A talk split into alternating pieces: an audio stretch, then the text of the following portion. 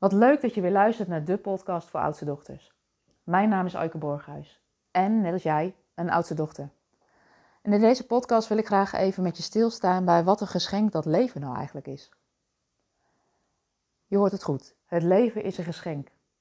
Zo voel ik het inmiddels tegenwoordig wel.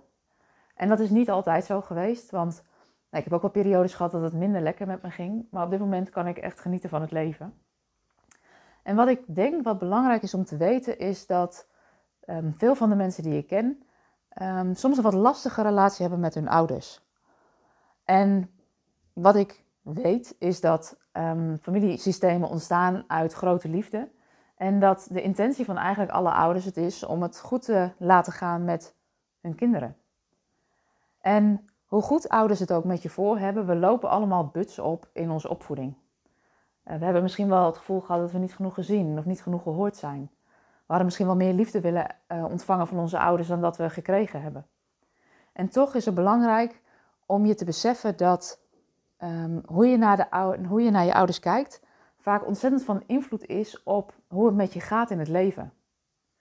Als jij boos blijft op je vader of op je moeder om wat je niet gekregen hebt, dan merk je eigenlijk dat daar zoveel tijd en energie in gaat zitten dat je minder vrij bent om je eigen keuzes te maken.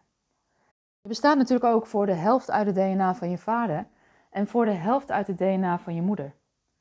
Ze hebben jou het leven gegeven en alleen dat al is een groot geschenk. En als je als kind helemaal volwassen bent, dan heb je eigenlijk niet meer te eisen of te verlangen van je ouders. En ik weet, en die heb ik zelf ook wel erkend, uh, herkend, dat dat een stevige uitspraak is die best wel wat weerstand oproept. Maar zonder weerstand geen groei, toch? Uit eigen ervaring en uit jarenlang werken met klanten weet ik in de praktijk dat het zo werkt. Maar hoe zit dat nou eigenlijk? Je hebt het leven van je ouders gekregen. Zonder je ouders zou je hier niet rondlopen op deze aarde. En hoe meer je je ouders innerlijk helemaal kunt zien voor wie ze zijn, hoe makkelijker het loopt in jouw leven.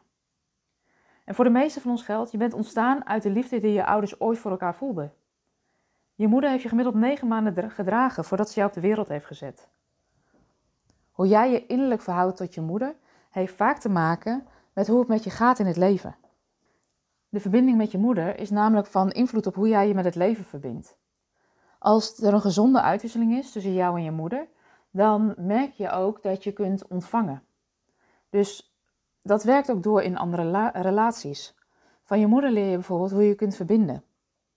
En wat je van je vader leert vervolgens is hoe begrens je jezelf? Hoe kun je grenzen stellen? Hoe kun je je, je eigen plek innemen in die buitenwereld? Maar hoe werkt dat nu als die band met je ouders niet zo soepel verloopt? De eerste stap is erkennen dat je het leven van je ouders hebt gekregen en dat dat een groot geschenk is. Als je daar dankbaar voor kan zijn, dan is dat al een eerste stap om het goed te laten gaan met jezelf in je leven. Want als kind ben je afhankelijk van je ouders voor je eerste levensbehoeftes. Maar als je eenmaal volwassen bent, dan kun je daar zelf voor zorgen.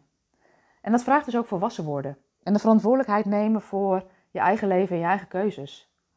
En soms is boos blijven wel makkelijker dan de volle verantwoordelijkheid te nemen voor de keuzes die je nu in je leven maakt. Mijn ervaring is dat niemand ongeschonden uit zijn of haar jeugd komt. We lopen allemaal butsen op. Met vallen en opstaan worden we volwassen. Een goed bedoelde opmerking die je vader of moeder ooit tegen je heeft gemaakt, kan door jou heel anders zijn opgevat. Een behoefte die je als kind had, is misschien wel niet vervuld. En wat daarin helpt om te beseffen is wat je ouders zelf niet geleerd hebben, kunnen ze ook niet doorgeven aan hun kinderen. Het is geen onwil, maar onkunde. Je ouders zijn ook gevormd door hoe ze zijn opgevoed en wat ze hebben geleerd in hun leven.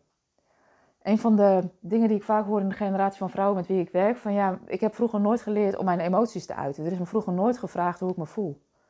En als ik ze dan de vraag stel van, goh, maar is dat jouw ouders ooit geleerd? Dan is het antwoord daarop vaak nee.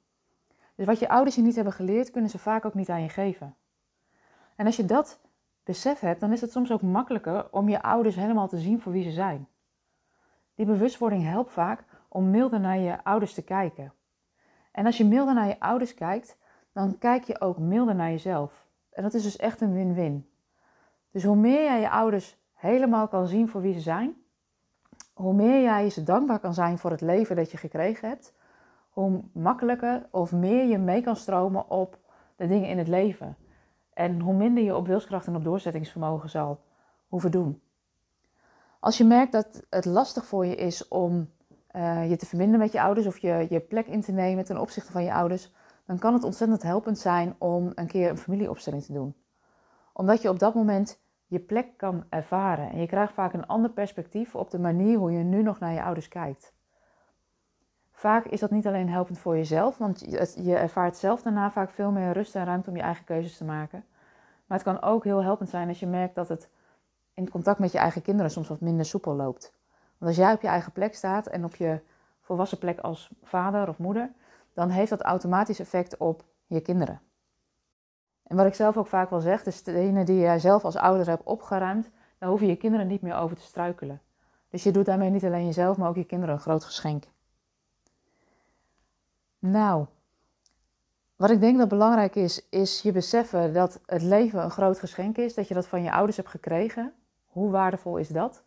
En dat je het mag leven op jouw manier. En op je eigen plek staan geef je ook de ruimte om keuzes te maken waarin je trouw bent aan jezelf. Om je leven vorm te geven op een manier die jou zin geeft en vervult. Mocht je dat nou ook willen en kun je wel wat meer hulp gebruiken, neem dan eens een kijkje op de website www.oudstedochter.com. En daar kun je ook wat meer informatie lezen. Je kunt een afspraak met ons maken, zodat we met je meekijken hoe we je zouden kunnen helpen. Weet dat je heel welkom bent. Voor nu wens ik je in ieder geval een hele fijne dag.